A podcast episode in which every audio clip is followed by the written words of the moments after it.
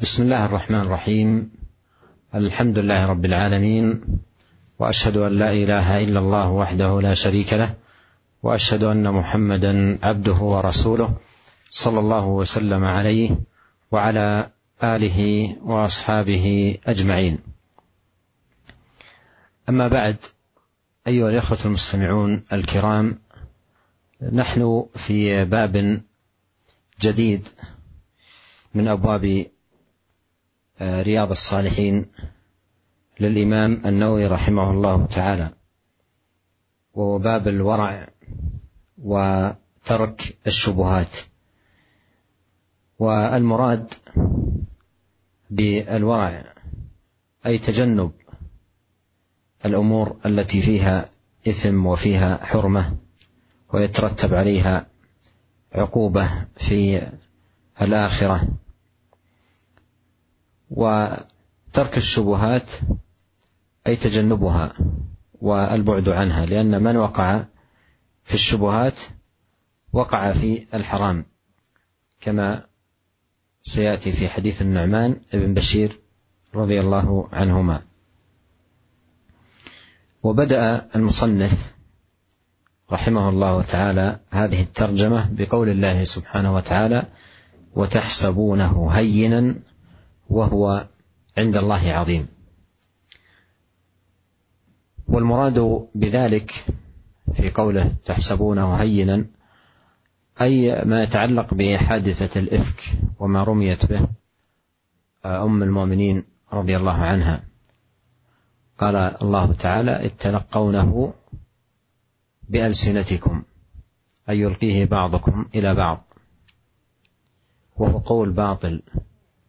وتقولون بأفواهكم ما ليس لكم به علم.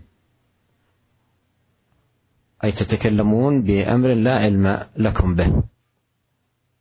وتحسبونه هينا وهو عند الله عظيم. وقوله وتحسبونه هينا أي أن بعض المؤمنين أقدموا عليه لكن تابوا من ذلك وتطهروا. من ذلك. وهذا فيه أن بعض الآثام قد يقع فيها الإنسان ويظنها أمرا هينا. يظنها أمرا هينا. وهذا يفيدنا أن باب الورع يقتضي من العبد ألا يستهين بإثم وألا يتهاون في هذا الباب بل يأخذ نفسه مأخذ الحزم بإبعاد نفسه عن الأمور المتشابهة والتي هي أيضا محرمة لكن قد يستهين بها بعض الناس. واحذر أن تقول هذا هين وهذا سهل وهذا وتفتح على نفسك ابوابا من الإثم خطيرة. وتذكر قول الله تعالى وتحسبونه هينا. وحقيقة أيها الإخوة الكرام كم وقع أناس في دروب من الآثام عظيمة وعقوبتها عند الله كبيرة وهم في أنفسهم يظنونها هينة وأن لا يترتب عليها عقوبات عظيمة.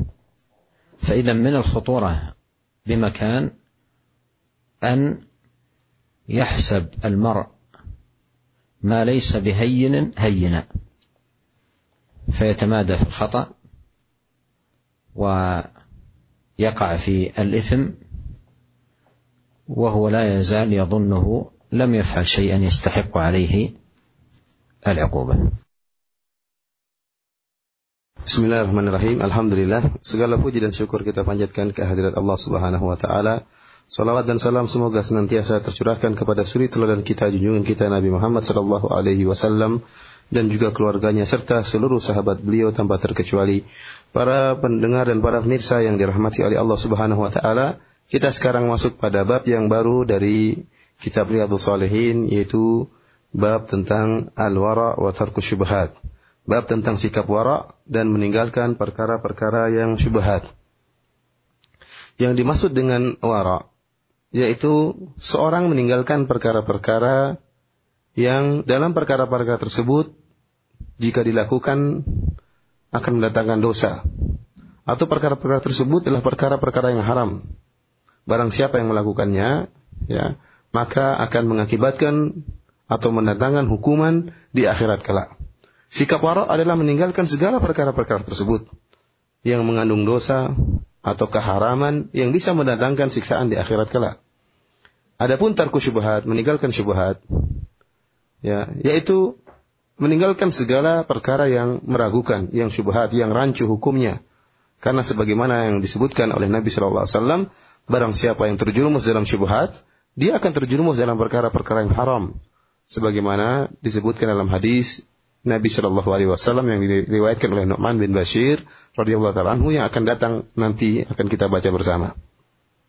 Para pemirsa yang dirahmati oleh Allah Subhanahu wa taala, Al-Imam Nawawi rahimahullah membuka bab ini, bab al-wara dan meninggalkan syubhat-syubhat dengan firman Allah Subhanahu wa taala dari surat An-Nur di mana Allah Subhanahu wa taala berfirman, "Wa tahsabunahu hayyinan 'indallahi 'azim." Kalian menyangka perkara ini perkara yang ringan, padahal di sisi Allah dia merupakan perkara yang besar. Ya. Ayat ini berkaitan dengan hadis satu ifk. Itu berkaitan dengan kisah tatkala Aisyah radhiyallahu taala anha ummul mukminin dituduh telah melakukan perkara yang haram, dituduh telah melakukan uh, perkara yang nista. Allah Subhanahu wa taala menyebutkan dalam Al-Qur'an pembelaan terhadap Aisyah radhiyallahu taala anha di mana Allah Subhanahu wa taala berfirman, "If إذ تلقونه بألسنتكم وتقولون بأفواهكم ما ليس لكم به علم وتحسبونه hayyinan wa huwa indallahi azim. Kata Allah Subhanahu wa taala, tatkala kalian saling ya melemparkan tuduhan-tuduhan ini di antara kalian dengan lisan-lisan kalian dan kalian mengucapkan tuduhan tersebut, melemparkan tuduhan tersebut kepada Aisyah radhiyallahu taala anha dengan mulut-mulut kalian ya yang kalian tidak memiliki ilmu tentang hal ini. Wa tahsabunahu hayyinan dan kalian menganggap tuduhan tersebut merupakan perkara yang ringan. Wa huwa indallahi azim padahal hal tersebut di sisi Allah merupakan perkara yang besar. Ayat ini mengisyaratkan bahwasanya ada sebagian mukminin kaum mukminin tatkala itu ikut-ikutan nimbrung dan menuduh Aisyah radhiyallahu taala anha melakukan zina. Akan tapi mereka bertobat kepada Allah Subhanahu wa taala. Kenapa? Karena sebagian mukmin, sebagian hamba-hamba yang mukmin terkadang terjerumus dalam perkara-perkara dosa. Namun dia menyangka bahwasanya perkara dosa tersebut perkara yang ringan. Allah ingatkan, kalian tatkala menuduh Ya, Aisyah berzina kalian menyangka itu perkara yang ringan padahal di sisi Allah wa huwa indallahi azim. Dia adalah perkara yang besar dan berat di sisi Allah Subhanahu wa taala. Seorang yang wara, ya, hendaknya dia tidak meremehkan dan memandang ringan perkara-perkara dosa. Akan tapi dia selalu berusaha menjauhkan dirinya dari hal-hal yang dilarang oleh Allah Subhanahu wa taala, dari hal-hal yang rancu hukumnya masih syubhat, masih diragukan. Jangan sampai seorang kemudian Ya, jangan sampai sekali-sekali seorang mengatakan ini perkara ringan, ini perkara mudah. Kemudian dia menganggap remeh sehingga dia terjerumus dalam kemaksiatan dan dia merasa kemaksiat tersebut adalah perkara yang ringan. Dan ini banyak terjadi para pemirsa yang dirahmati oleh Allah Subhanahu wa taala. Betapa banyak kita mendapati orang-orang mereka terjumus dalam berbagai model kemaksiatan.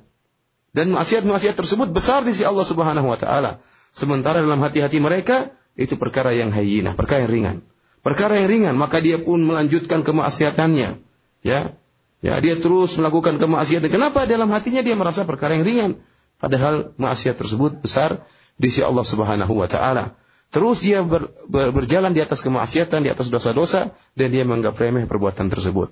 Seorang yang memiliki sikap wara, hendaknya dia tidak meremehkan kemaksiatan manapun, jangan dianggap ringan padahal bisa jadi di sisi Allah Subhanahu wa taala adalah perkara yang besar. ثم أورد رحمه الله تعالى قول الله عز وجل إن ربك لبالمرصاد إن ربك لبالمرصاد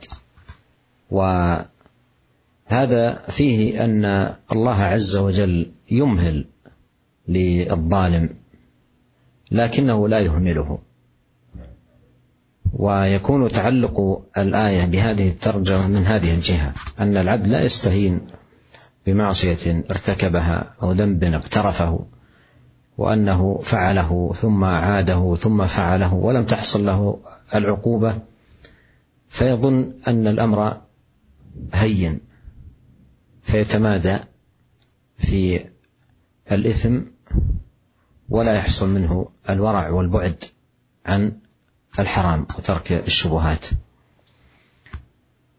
بينما إذا تذكر العبد هذه الآية الكريمة إن ربك لبالمرصاد أعانته على الورع وتجنب ما يسخط الله سبحانه وتعالى.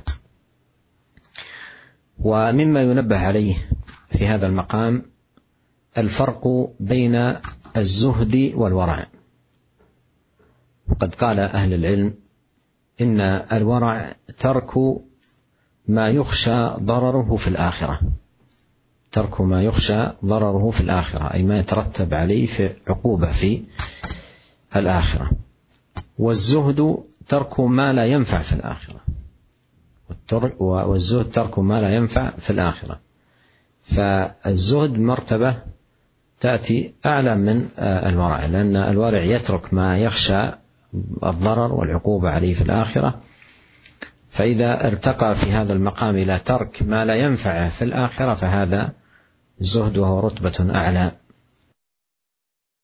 Kemudian Al-Imam Nawawi rahimahullah membawakan ayat berikutnya yaitu firman Allah Subhanahu wa taala dalam surat Al-Fajr ayat 14, "Inna rabbaka labil mirsad." Sungguhnya Rabbmu ya e, mengintai ya, sungguh benar-benar mengintai.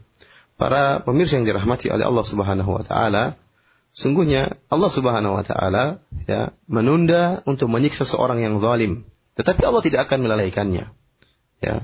Allah Subhanahu wa taala yumhil wala yuhmal, wala yuhmil. Yaitu Allah Subhanahu wa taala menunda menyiksa seorang yang berbuat zalim, yang terjerumus dalam dosa, akan tapi Allah tidak akan lalai dari dia. Semuanya telah diintai, diketahui oleh Allah Subhanahu wa taala.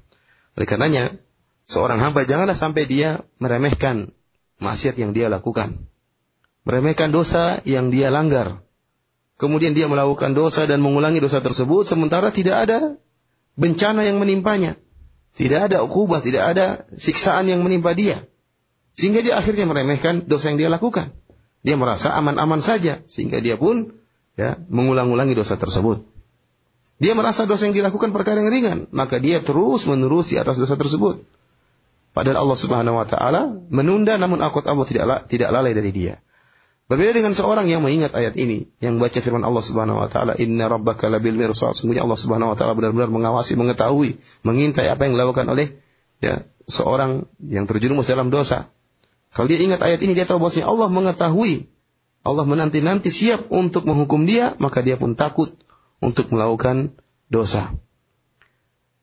Pada kesempatan yang berbahagia ini, ada perkara yang disampaikan oleh Syekh yaitu perbedaan antara zuhud dengan wara zuhud yaitu atau wara yaitu e, meninggalkan suatu perkara yang dikhawatirkan mendatangkan kemudaratan di akhirat.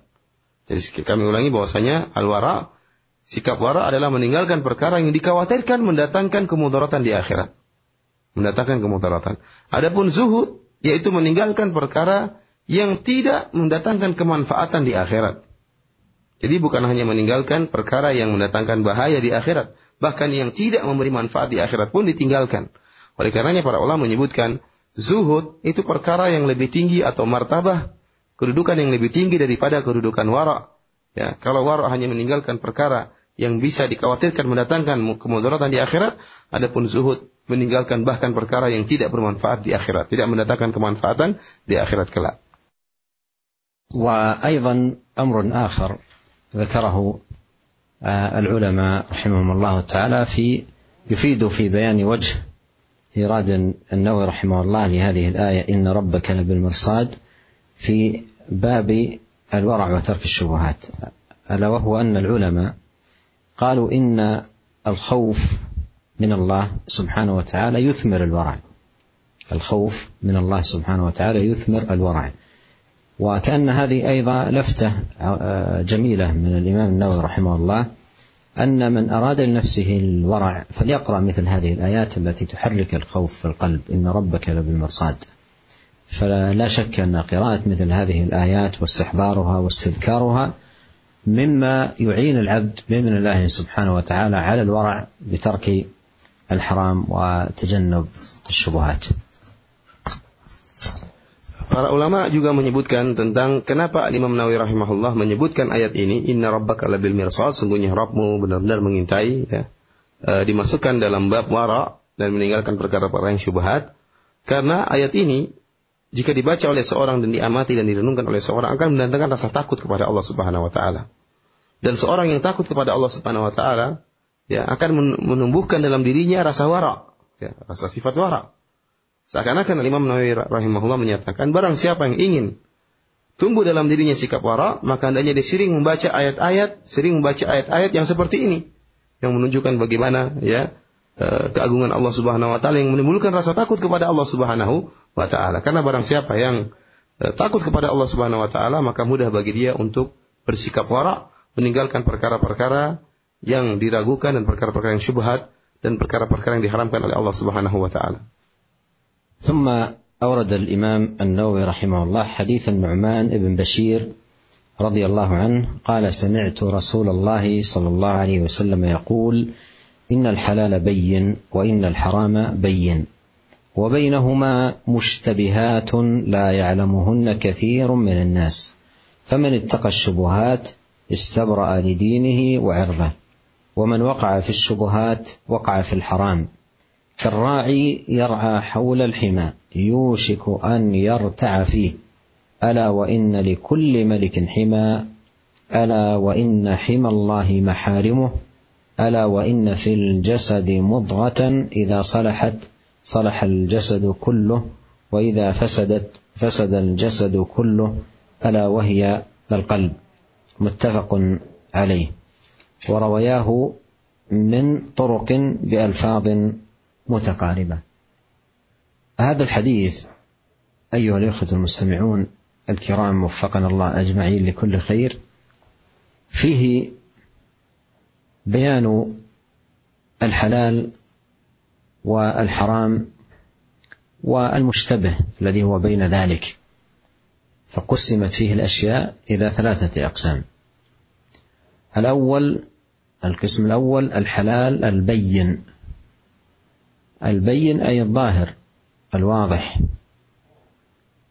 وهذا مثل بهيمة الأنعام والثمار والحبوب والأشياء المعروفة لدى الناس كلهم أنها حلال لا حرمة فيها.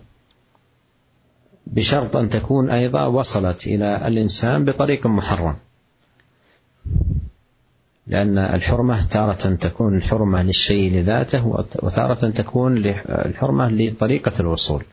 هذه الأشياء حلال لكن إذا وصلت الإنسان بطريق محرم كسرقة أو غش أو غير ذلك فإنها تكون محرمة للوسيلة التي وصلت من خلالها إلى الإنسان. القسم الثاني الحرام البين كشرب الخمر وأكل الميتة ونكاح ذوات المحارم ونحو ذلك.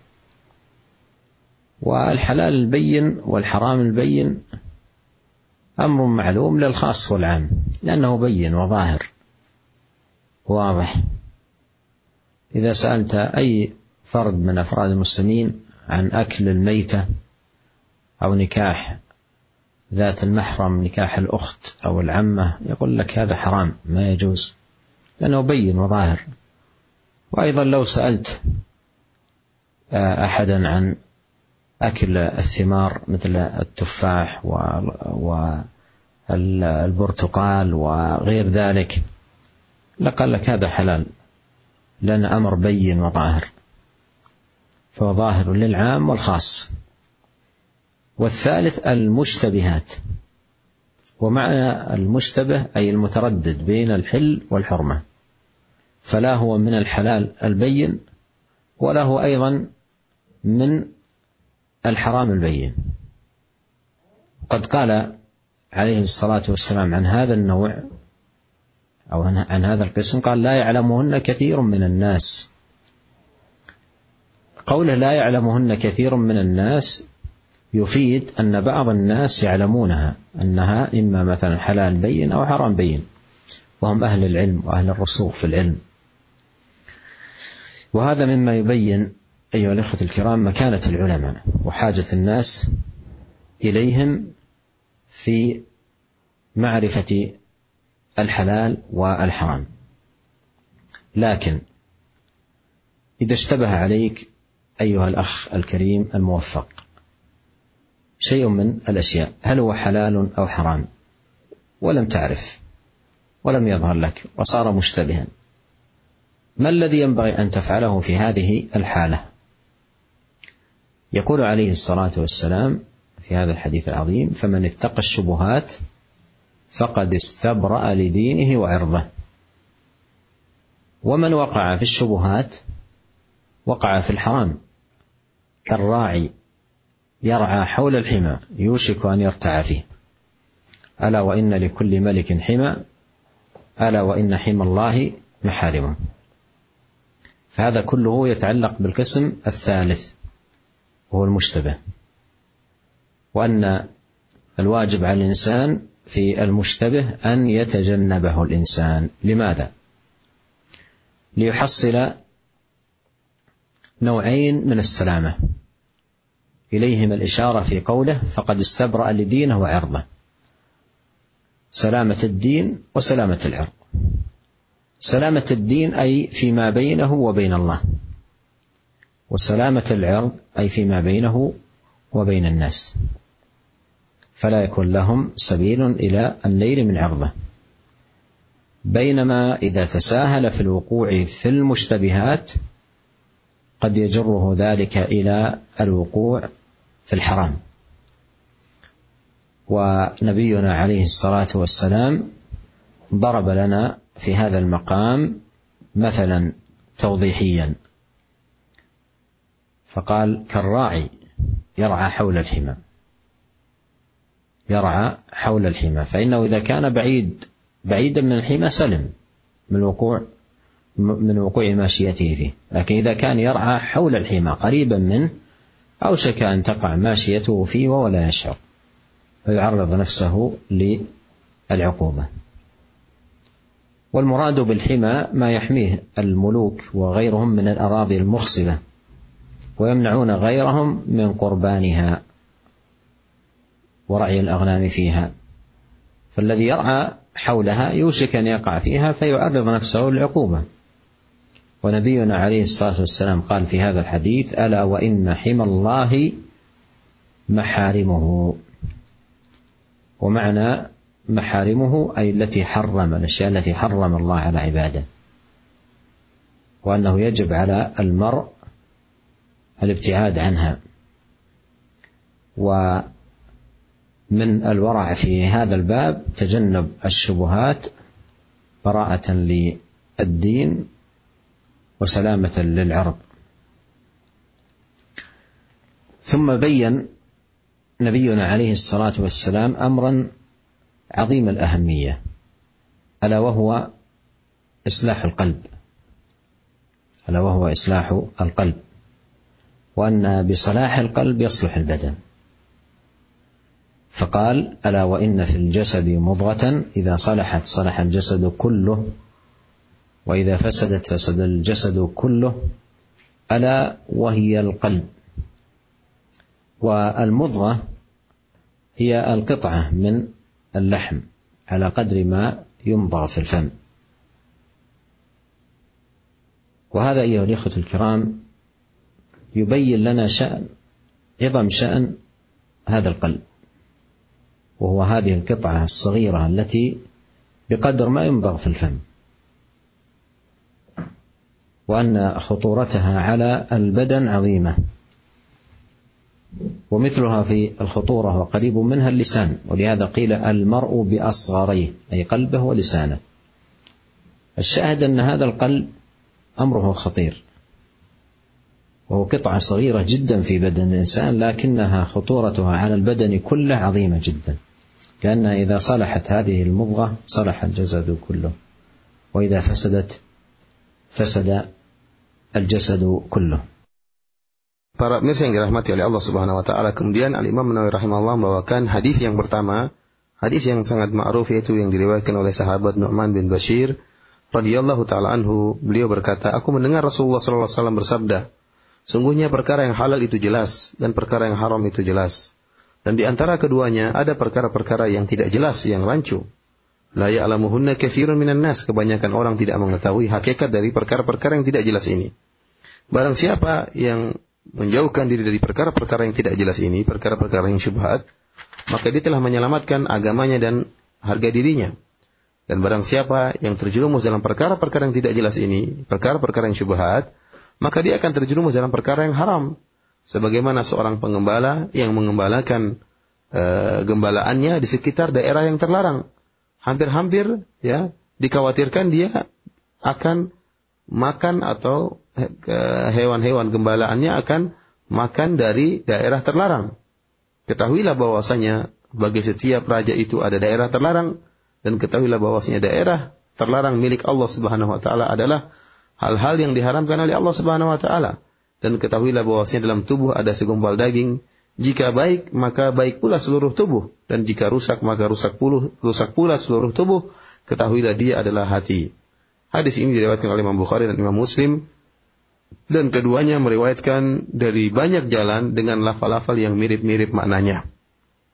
Para pemirsa yang dirahmati oleh Allah Subhanahu wa taala, dalam hadis ini dijelaskan tentang tiga perkara. Perkara yang halal, kemudian perkara yang haram, dan perkara yang syubhat. Ya. Oleh karenanya, dari sini kita mengetahui ada tiga model perkara yang disebutkan dalam hadis ini. Yang pertama, al-halalul bayyin. Perkara yang halal yang jelas kehalalannya. Nampak sangat terang benderang tentang kehalalannya. Contohnya seperti bahimatul an'am, hewan-hewan ternak yang boleh dimakan, kemudian biji-bijian yang boleh dimakan, buah-buahan yang boleh dimakan, ya, yang ada di tangan-tangan manusia, ya, orang-orang memiliki buah-buah tersebut. Ini halal jelas, tidak diragukan akan kehalalannya. Tentunya dengan syarat bahwasanya hal-hal ini, ya, hewan-hewan ternak ini atau benda-benda yang halal ini, ya, sampai kepada seorang hamba dengan cara yang halal pula bukan dengan cara yang haram. Kenapa? Karena perkara yang haram itu ada perkara yang haram karena zatnya dan ada perkara yang haram karena wasilahnya. Ya. Ada perkara yang haram karena zatnya seperti khamar dan yang lainnya. Ada perkara yang dia tidak haram secara zatnya seperti buah-buahan, kemudian hewan ternak, biji-bijian dan yang lainnya. Akan tapi dia menjadi haram karena wasilahnya. Ternyata barang-barang tersebut diperoleh dengan cara-cara yang haram. Oleh karenanya, yang dimaksud dengan halal al-bayyin, perkara yang halal yang benar-benar jelas halalnya, adalah perkara-perkara yang orang-orang semua sudah tahu itu hukumnya halal, dan sampai kepada seorang hamba dengan cara yang halal pula. Perkara yang kedua, yaitu al-haramul bayyin, perkara yang haram dan benar-benar jelas keharamannya. Dan orang semua sudah tahu seperti apa? Syurbul khamar, seperti minum bir. Atau aklul mayyitah, makan bangkai, tidak boleh. Seperti nikah dawatil maharim, seperti menikahi para wanita yang masih punya hubungan mahram, ini semua orang sudah tahu hukumnya, hukumnya haram. Oleh karenanya perkara al-halalul bayyin, perkara halal yang jelas, wal haramu bay al-bayyin dan perkara yang haram yang jelas, ini diketahui oleh seluruh kaum muslimin. Baik orang-orang yang secara umum maupun orang-orang khusus semuanya mengetahui bahwa ini halal yang jelas dan perkara haram yang jelas. Jika engkau bertanya kepada seorang muslim tentang hukum makan bangkai, ya kebanyakan mereka sudah mengetahui. Engkau bertanya juga kepada dia tentang hukum menikahi ya zawatil maharim. Bolehkah menikahi bibi? Enggak boleh. Mereka tahu. Bolehkah menikahi adik perempuan? Tidak tahu. Mereka tahu semua tidak boleh. Ini tidak boleh karena ini adalah mahram, tidak boleh dinikahi. Ya, demikian pula perkara haram yang bayin yang jelas juga diketahui oleh masyarakat Islam secara umum. Kalau ditanya apa hukum minum khamar, semua orang tahu hukumnya haram. Kalau orang yang bertanya bagaimana hukum berzina, semua orang juga tahu hukumnya haram. Ya. Di sana juga perkara-perkara yang halal yang bayin, halal yang jelas pun diketahui oleh kaum muslimin secara umum. Kalau ditanya bagaimana hukum makan apel, makan burtokol, makan uh, jeruk, semua orang tahu bahwasanya apel, jeruk, bawang ini hukumnya halal. Ya, jelas bagi masyarakat secara umum. Para pendengar, para pemirsa yang dirahmati oleh Allah Subhanahu wa taala. Adapun perkara-perkara yang mustabihat, perkara-perkara yang rancu hukumnya tidak jelas. Dia mutaraddid bainal halal al-bayyin wal haramul bayyin Hukumnya jelas tidak jelas apakah dia halal ataupun haram. Ya, masuk yang manakah dia ini? Masuk yang halal ataukah masuk yang yang haram? Ya. Kata Nabi Shallallahu Alaihi Wasallam, la ya'lamuhunna kathirun minan nas. Kebanyakan orang tidak mengetahui. Orang-orang banyak tidak mengetahui hukum hakikat suatu ini. Halalkah dia atau haramkah dia? Namun sabda Nabi Shallallahu Alaihi Wasallam, ya la ya'lamuhunna katsirun minan nas, tidak diketahui oleh banyak orang, menunjukkan ada sebagian orang yang mengetahui tentang hakikat dari hukum zat ini. Ya, apakah dia termasuk halalul bayin, halal yang jelas, ataukah dia termasuk haram yang bayin? Karena pada hakikatnya zat tersebut atau benda tersebut akan kembali kepada salah satu dari dua perkara. Apakah halal yang jelas ataupun haram yang jelas. Orang-orang kebanyakan orang tidak mengetahui bingung ini masuk yang mana sehingga dikatakan syubhat. Adapun para ulama ya mereka mengetahui benar ini termasuk halal yang jelas ataukah haram yang jelas. Dari sini kita mengetahui bagaimana kedudukan para ulama bahwasanya masyarakat butuh dengan para ulama. Mereka butuh ilmu para ulama untuk mengetahui tentang hakikat suatu perkara ini haram atau perkara ini boleh ya. Karena menentukan ini halal atau haram butuh dengan ilmu sehingga terangkat kerancuan tersebut dan yang bisa melakukannya adalah para ulama. Akan tapi para pris yang dirahmati oleh Allah Subhanahu wa taala, jika engkau menghadapi suatu perkara yang engkau rancu tentang perkara tersebut, engkau bingung perkara ini haram atau halal, ya. Maka apa yang harus kau lakukan jika engkau menghadapi perkara ini? Nabi Shallallahu alaihi wasallam telah memberi isyarat dalam hadisnya kata Nabi sallallahu alaihi wasallam, "Faman ittaqa syubhati faqad di dinihi wa ardihi. Barang siapa ya meninggalkan syubhat, maka dia telah menyelamatkan agamanya dan menyelamatkan harga dirinya. Ya. Nabi SAW juga melanjutkan, "Wa man waqa'a fi syubhati waqa'a fil haram." Barang siapa yang terjerumus dalam perkara-perkara yang syubhat, maka dia telah terjerumus dalam perkara-perkara yang haram. Karra'i yar'a haulal hima yushiku an yarta'a Sebagaimana seorang penggembala yang dia menggembalakan kambingnya atau hewan gembalaannya di sekitar daerah terlarang, maka dikhawatirkan akan kambing tersebut atau hewan gembalaan tersebut akan masuk dalam daerah larangan orang lain. Ya. Ini semua sabda Nabi SAW berkaitan dengan perkara yang syubhat. Bagaimana sikap seorang muslim menghadapi perkara yang syubhat.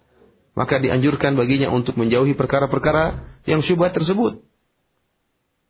Agar dia mendapatkan dua keselamatan. Yang pertama adalah keselamatan agamanya dan yang kedua adalah keselamatan harga dirinya. Sebagaimana sabda Nabi istabra ali dinihi wa irdihi. Jika dia meninggalkan perkara-perkara syubhat, dia akan selamat agamanya. Yaitu antara dia dengan Allah selamat, tidak ada masalah. Kenapa? Karena dia tidak terjerumus dalam perkara yang haram. Demikian juga akan selamat harga dirinya.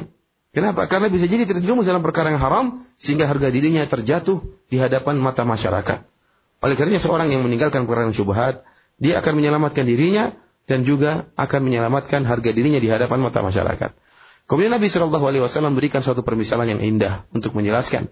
Kata Nabi Shallallahu Alaihi Wasallam, "Karra'i yar'a haulal hima yushiku an yarta'afi." Sebagaimana seorang penggembala yang sedang menggembalakan hewan ternaknya di sekitar daerah terlarang, dikhawatirkan hewan gembalanya tersebut akan masuk dalam daerah larangan tersebut. Kemudian kata Nabi SAW mengatakan bahwasanya ala wa inna likulli malakin hima ketahuilah bahwasanya setiap raja itu memiliki daerah terlarang.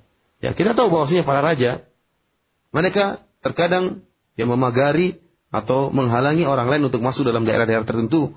Mungkin daerah-daerah yang subur, daerah-daerah yang bernilai, yang mengandung hal-hal yang yang berharga, maka kemudian mereka pun memagari atau mereka menghalangi orang lain untuk masuk dalam daerah tersebut. Ini disebut daerah terlarang. Ya. Kemudian Nabi SAW mengatakan, Ala wa inna likulli malakin hima ala wa inna himallahi maharimu. Ketahuilah bahwasanya adapun daerah terlarangnya Allah adalah perkara-perkara yang diharamkan oleh Allah Subhanahu wa taala.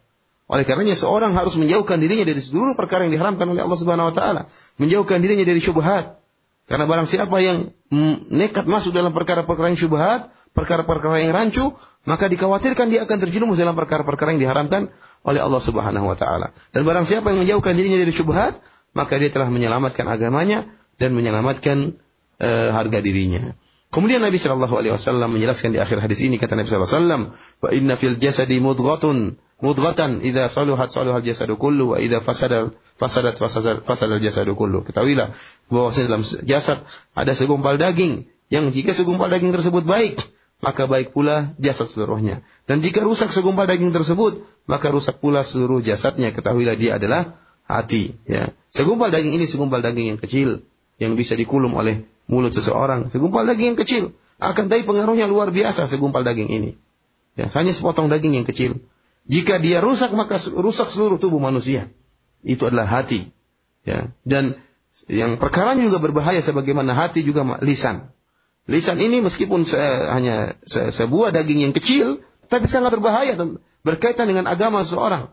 Oleh karenanya dalam dikatakan dalam pepatah almaru bi asgharihi. Seorang itu tergantung dari dua benda kecil yang ada pada dirinya yaitu hatinya dan lisannya. Jika dia bisa menjaga hatinya dan lisannya, maka dia orang yang terbaik. Akan tapi jika dia tidak menjaga, bisa menjaga hatinya, tidak membersihkan hatinya dan tidak bisa menjaga lisannya, maka dia orang yang terburuk. ثم أورد حديث أنس رضي الله عنه أن النبي صلى الله عليه وسلم وجد تمرة في الطريق فقال لولا أني أخاف أن تكون من الصدقة لأكلتها. متفق عليه. وهذا الحديث فيه استعمال الورع. ونبينا عليه الصلاة والسلام من خصائصه وخصائص آل بيته تحريم الصدقة عليه وعليهم. وذلك لأن الصدقة أوساخ الناس. ونبينا عليه الصلاة والسلام غلب في هذا المقام الورع لما وجد تمرة في الطريق قال عليه الصلاة والسلام متورعا لولا أني أخاف أن تكون من الصدقة لأكلتها. ومن المعلوم أن التمرة ونحوها من محقرات الأموال. إذا وجدها الإنسان لا يجب أن يعرف بها بل يباح له أكلها أو التصرف فيها. لكن النبي عليه الصلاة والسلام تركها لاحتمال أن تكون من الصدقة. فثم احتمال أنها من الصدقة وثم احتمال آخر أنها ليست منه. فلوجود هذا الاحتمال أنها من الصدقة تركها صلى الله عليه وسلم. فهذا من الورع وهذا وجه ايراد المصنف رحمه الله تعالى لهذا الحديث في الترجمه Kemudian Al Imam Nawawi rahimahullah membawakan hadis berikutnya dari Anas bin Malik radhiyallahu taala anhu bahwasanya Nabi sallallahu alaihi wasallam menemukan sebutir korma di jalan.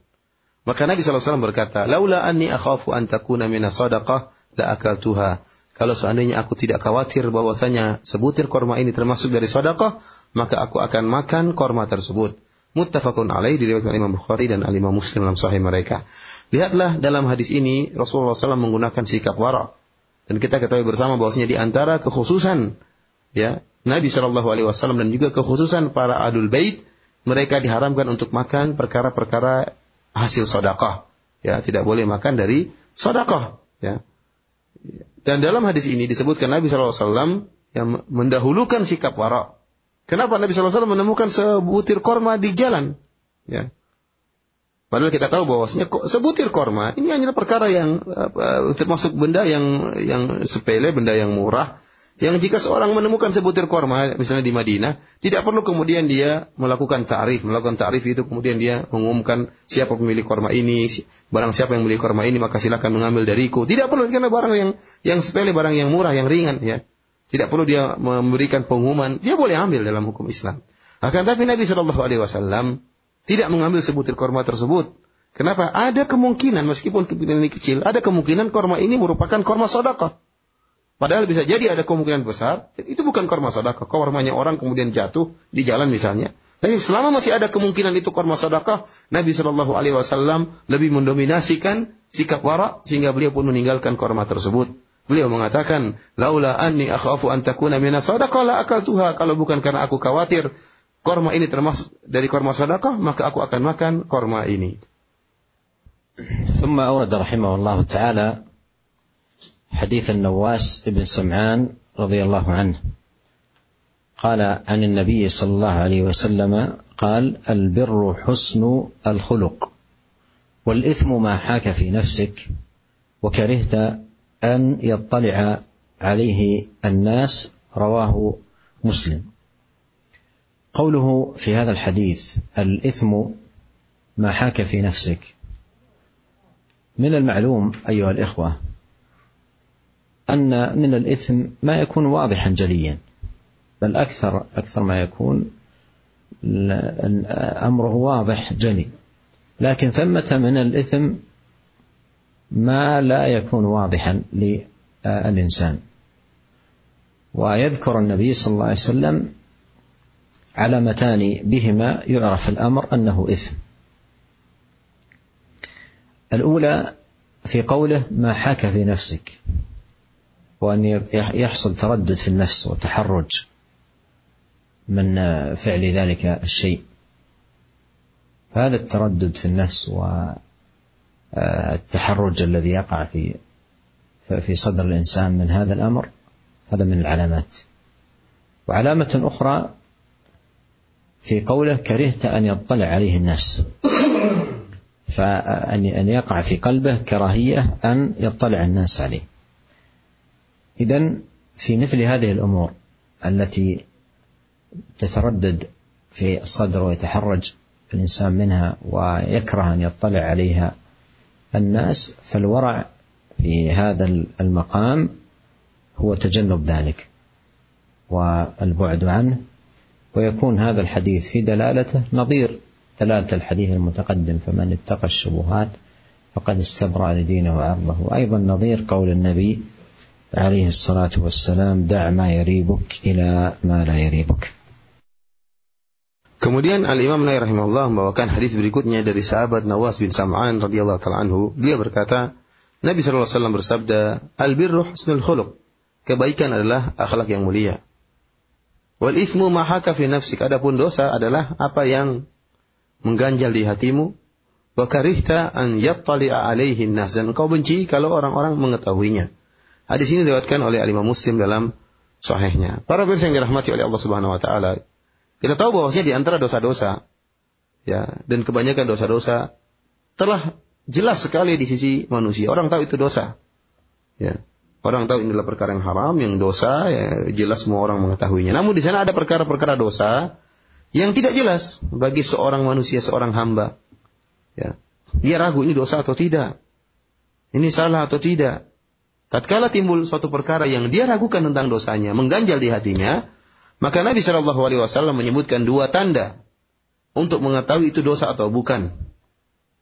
Tanda pertama kata Nabi Shallallahu Alaihi Wasallam, nafsik, yaitu suatu yang mengganjal di hatimu, yang membimbangkan hatimu tentang benda, perkara ini jika kau lakukan, yang terasa engkau merasa tidak enak, berat jika jika melakukan perkara tersebut. Ini tanda pertama.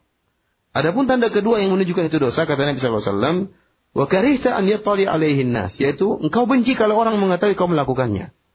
Ya, jika sudah terkumpul dua tanda ini, pertama engkau merasa berat, merasa bimbang, merasa ragu, mengganjal untuk melakukan suatu perkara tersebut. Yang kedua, engkau benci kalau ada orang tahu engkau melakukannya, maka ketahuilah itu merupakan dosa. Oleh karenanya, jika seorang ter uh, apa namanya terkondisikan dengan kondisi seperti ini, ragu ini ya, dosa atau tidak, maka yang dituntut dari dia sikap warok dalam hal ini adalah meninggalkan perkara ini. Daripada dia ragu-ragu mending dia tinggalkan. Oleh karenanya penunjukan hadis ini tentang sikap warok adalah meninggalkan perkara yang diragukan dan ini sama seperti hadis yang sebelumnya meninggalkan perkara-perkara syubhat yang diragukan tentang hukumnya. Demikian juga sama dengan sabda Nabi wasallam da'ma yaribuk ila la yaribuk tinggalkan perkara yang meragukanmu sama. Yaitu sikap warok adalah meninggalkan perkara yang diragukan oleh seorang haram atau tidak, dosa atau atau tidak.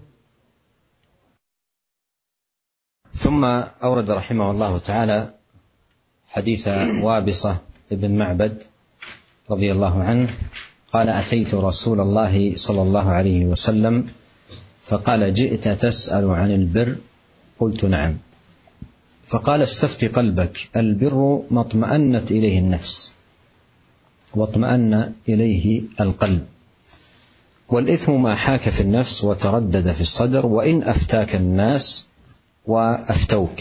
حديث حسن. وهذا الحديث هو بمعنى الحديث المتقدم حديث النواس بن سمعان.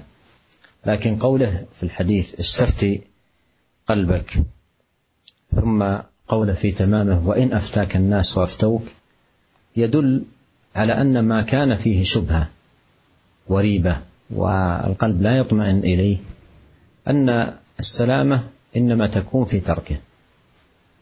حتى لو حصل أن أحدا أفتاه بالجواز وأنه لا حرج فيه.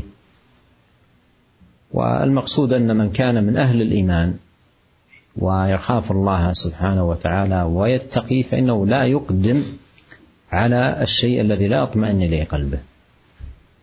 وقد يكون الإفتاء ممن لا علم عنده وقد يكون ممن عنده علم ولكن ليس في المسألة دليل بين يعول عليه. والشاهد أن قوله في الحديث وإن أفتاك الناس وأفتوك فإن الورع تجنب ما فيه ريبة وما لا يطمئن القلب إليه. Kemudian Al-Imam Nawawi rahimahullah membawakan hadis yang, yang diriwayatkan oleh Wabisah bin Ma'bad radhiyallahu taala anhu. Beliau mengatakan, aku mendatangi Rasulullah sallallahu alaihi wasallam. Kemudian Nabi sallallahu alaihi wasallam berkata, "Ji'ta tas'alu 'anil bir?" Engkau datang wahai Wabisah untuk menanyakan tentang perkara albir, perkara kebaikan. Maka aku berkata, "Iya Rasulullah." Maka Nabi sallallahu alaihi wasallam berkata, "Istafti qalbak." Ya, tanyalah kepada hatimu. Albirru matma'annat ilaihi nafsu. Kebaikan adalah perkara yang hatimu tenang melakukannya. Watma'anna ilaihil qalbu dan juga jiwamu tenang. Hati, jiwamu dan hatimu tenang untuk melakukannya. Wal ithmu ma haka fi nafsi wa taraddada fi sadri. Adapun dosa yaitu perkara yang mengganjal di jiwamu dan meragukan, yang membimbangkan dalam dadamu. Wa in aftakan nasu wa aftauk. Meskipun orang-orang ya memfatwakan kepadamu tentang bolehnya dan mereka memfatwakan kepada engkau tentang bolehnya. Hadis ini diriwayatkan eh, hadis yang hasan dari Imam Ahmad dan yang lainnya. Para pemirsa yang dirahmati oleh Allah Subhanahu wa taala, hadis ini sama dengan hadis yang lalu, ya hadis Nawas bin Sam'an radhiyallahu taala anhu bahwasanya ya dalam e, namanya dosa adalah perkara yang mengganjal di hati dan yang meragukan. Adapun namanya kebaikan yang bukan dosa adalah perkara yang hati ini jiwa ini tenang melakukannya dan hati ini tenang melakukannya. Akan tapi dalam hadis ini e, ada lafal yang baru di mana Nabi Shallallahu Alaihi Wasallam mengatakan di awal hadis ini istafti qalbak, tanyalah kepada hatimu. Ya. Kemudian di akhir hadis kata Nabi Shallallahu Alaihi Wasallam, wa in aftakan nasu aftauk. Meskipun orang-orang memfatwakan kepada engkau tentang bolehnya, meskipun mereka memfatwakan kepada engkau tentang bolehnya. Intinya kalau ada perkara yang meragukan seorang mengganjal di hatinya, maka ditanya kepada dirinya. Kalau hatinya merasa ragu, maka keselamatan dari keraguan adalah meninggalkan hal itu semua. Inilah sikap wara. Ya, Meskipun ada orang yang memfatwakan itu hukumnya boleh. Meskipun ada orang-orang yang memfatwakan hukumnya boleh, tapi jika masih ragu di hatimu, maka yang sikap warok yang lebih baik adalah meninggalkan perkara tersebut. Karena bisa jadi seorang orang-orang berfatwa tapi tanpa ilmu. Dan bisa jadi orang berfatwa tersebut punya ilmu akan tapi dalil yang menunjukkan akan kebolehan dalil tersebut tidak jelas. Ya, tidak ada dalil yang jelas. Oleh karenanya daripada kita ragu, mending kita meninggalkan perkara tersebut dan ini merupakan sikap warok sehingga tenanglah hati kita tatkala meninggalkan perkara yang meragukan. ثم أورد رحمه الله تعالى حديث أبي سروعة بكسر السين المهملة وفتحها عقبة ابن الحارث رضي الله عنه أنه تزوج ابنة لأبي إيهاب بن عزيز فأتته امرأة فقالت إني قد أرضعت عقبة والتي قد تزوج بها. أي أنه بذلك يكون أختا لها لهذه التي تزوجها بالرضاع فقال لها عقبة قال لها أي لتلك المرأة ما أعلم أنك أرضعتيني ولا أخبرتيني. فركب إلى رسول الله صلى الله عليه وسلم بالمدينة فسأله فقال رسول الله صلى الله عليه وسلم كيف؟ وقد قيل ففارقها عقبة ونكحت زوجا غيره. رواه البخاري. وهذا أيضا داخل في باب الورع وشهادة المرأة المرضعة على من أرضعته كافية في اثبات الرضاع. ومن فوائد هذا الحديث أن من اشتبه عليه الحكم فليذهب إلى أهل العلم. وانظر هذا الصحابي رضي الله عنه. قال فركب إلى رسول الله صلى الله عليه وسلم بالمدينة سافر إلى المدينة من أجل أن يسأل النبي صلى الله عليه وسلم. وهذا فيه أن المسألة إذا أشكلت على الإنسان حتى وإن احتاج الأمر إلى سفر يسافر. مع أنه في زماننا توفرت الآن وسائل كثيرة للاتصال التواصل والاستفادة من أهل العلم فما اشتبه على الإنسان لا يقدم عليه حتى يسأل أهل العلم وأهل البصيرة بدين الله تبارك وتعالى ويتوقف عن الأمر ما دام مشكلا أو ما دام مشتبها. Kemudian Al Imam Nawawi rahimahullah membawakan hadis yang diriwayatkan dari uh, Abi Sirwa'ah ya, sahabat yang yaitu Abu Sirwa'ah Uqbah bin Al-Harith radhiyallahu taala anhu bahwasanya Uqbah bin Al-Harith radhiyallahu taala anhu beliau menikahi seorang wanita ya atau putri dari Abu Ihab bin Aziz. Beliau menikahi putri Abu Ihab bin Aziz. Maka datanglah seorang wanita menemui Uqbah dan dia berkata, ini qad arda'tu Uqbata wallati qad tazawwaja biha. Sungguhnya aku telah pernah menyusui si Uqbah dan juga menyusui wanita yang dia nikahi tersebut. Maka Uqbah berkata, jadi kalau sudah wanita ini pernah menyusui Uqbah dan pernah menyusui wanita yang dinikahi oleh Uqbah menunjukkan bahwasanya wanita tersebut tidak boleh dinikahi oleh Uqbah. Kenapa? Karena dia merupakan saudari sepersusuannya Uqbah. Karena dua-duanya Uqbah radhiyallahu anhu dan juga istri yang dia nikahi wanita yang dia nikahi tersebut sama-sama pernah e, menyusui e, dari wanita ini. Maka Uqbah mengatakan mengingkari pernyataan wanita ini. Uqbah berkata, "Ma'alamu annaki ardi'tini wal akhbartini." Aku tidak tahu bahwasanya engkau telah pernah menyusuiku wahai sang wanita dan engkau tidak pernah mengabarkan kepadaku. Farakiba ila Rasulillah sallallahu alaihi wasallam bil Madinah. Maka Uqbah pun bersafar Ya, pergi keluar kota. Ke mana? Ke kota Madinah untuk menemui Rasulullah SAW. Karena ada suatu hal yang meragukan. Ada wanita yang mengaku pernah menyusui dia dan menyusui istrinya. Maka Uqbah pun bertanya kepada Rasulullah SAW tentang hukum ini. Maka Rasulullah SAW berkata, Kaifa wa qadaqil. Bagaimana? Uang sudah dinyatakan dia pernah menyusui kalian berdua. Akhirnya, fafarakaha Uqbah Wanakahat zaujan ghairahu. Artinya akhirnya Uqbah pun menceraikan istrinya tadi, tidak dinikahi karena dikhawatirkan adalah saudari sepersusuannya dan dia pun menikahi wanita yang lain. Para pemirsa yang dirahmati oleh Allah Subhanahu wa taala, ya, lihatlah dalam hadis ini ya, ternyata persaksian wanita yang menyusui itu ya diterima persaksiannya. Ya, bahwasanya dia telah menyusui Uqbah dan pernah menyusui wanita yang dinikahi oleh oleh Uqbah. Dan ini merupakan dan Uqbah radhiyallahu taala anhu pun meninggalkan pernikahan tersebut ya ya dalam karena memiliki sikap wara daripada dia terjerumus dalam perkara yang diharamkan menikahi saudari sepersusuannya. Dan di antara faedah dari hadis ini, barang siapa yang tidak jelas baginya suatu perkara, maka hendaknya dia pergi menemui para ulama, bertanya kepada mereka. Bahkan meskipun ternyata dia harus bersafar untuk bertemu dengan seorang yang alim. Harus bersafar, lihatlah Uqbah. Ya, Bil Harith dia nekat bersafar ya pergi ke kota Madinah untuk bertanya kepada Nabi Shallallahu Alaihi Wasallam tentang masalah yang dia hadapi. Apalagi zaman sekarang, alhamdulillah, wasilah-wasilah sarana-sarana untuk safar sangat mudah. Seorang mudah untuk bersafar, untuk pergi menemui para ulama. Oleh karenanya jika timbul sesuatu yang meragukan dirinya, jangan dia nekat untuk melakukannya. Dia berhenti dulu dan kemudian dia bertanya kepada para ulama tentang hukum tersebut. Jangan dia nekat melakukan perkara yang dia ragukan. ثم أورد رحمه الله تعالى حديث الحسن بن علي قال حفظت من رسول الله صلى الله عليه وسلم دع ما يريبك الى ما لا يريبك رواه الترمذي وقال حديث حسن صحيح وهذا الحديث نظير حديث النعمان والذي فيه فاتقي فمن اتقى الشبهات.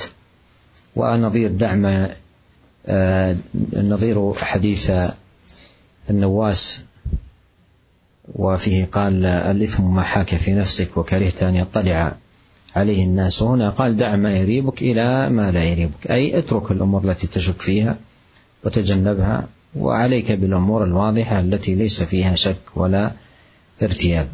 فمن كان بهذه الصفة تحققت له السلامة والعافية بإذن الله تبارك وتعالى ونسأل الله عز وجل لنا اجمعين التوفيق والسداد ولا يزال في هذه الترجمه بقيه نكملها في لقائنا القادم باذن الله تبارك وتعالى. Kemudian Imam Nawawi rahimahullah membawakan hadis dari Al Hasan bin Ali radhiyallahu taala anhu, beliau berkata, "Hafiztu min Rasulillah sallallahu alaihi wasallam, da' ma yaribuka ila ma la yaribu." Aku menghafalkan dari Rasulullah wasallam, yaitu sabda Nabi wasallam, tinggalkan apa yang meragukanmu, menuju apa yang tidak meragukanmu. Hadis ini diriwayatkan Imam Tirmizi dan beliau berkata hadis yang hasan sahih. Para pemirsa yang dirahmati oleh Allah Subhanahu wa taala, hadis ini ya, tinggalkan apa yang kau ragukan menuju apa yang tidak kau ragukan. Ini sama dengan hadis yang uh, diriwayatkan oleh Nu'man bin Bashir yang tadi telah kita baca untuk meninggalkan perkara-perkara yang syubhat, yang diragukan. Demikian juga sama dengan hadis Nawas bin Sam'an di mana Rasulullah SAW mengatakan al itu maha fi nafsik. Isim dosa adalah perkara yang meragukan dalam hatimu, mengganjal, ya, yang mengganjal di hatimu dan engkau benci kalau ada orang mengetahuinya. Dan dalam hadis ini Rasulullah SAW mengatakan, "Da'ma yaribuk ila ma la yaribuk." Tinggalkanlah apa yang meragukanmu menuju apa yang tidak meragukanmu. Oleh karenanya, para pemirsa yang dirahmati oleh Allah Subhanahu wa taala, jika Anda menghadapi perkara-perkara yang meragukan, perkara-perkara yang membimbangkan hati, mengganjal di hati, maka tinggalkan perkara tersebut. Ini merupakan bentuk keselamatan. Pergilah menuju perkara-perkara yang jelas, ya, yang jelas-jelas dibolehkan daripada kita kemudian nekat terjerumus dalam perkara-perkara yang meragukan, akhirnya terjerumus dalam perkara-perkara yang diharamkan. Demikianlah para muslim yang dirahmati oleh Allah Subhanahu wa taala, kajian kita kali ini masih bersambung masih banyak. Ada beberapa hadis yang berkaitan dengan bab waro ini. Akan kita lanjutkan pada uh, pertemuan berikutnya. Demikian saja. Semoga bermanfaat bagi kita semua. Wabillahi taufik wal hidayah. Assalamualaikum warahmatullahi wabarakatuh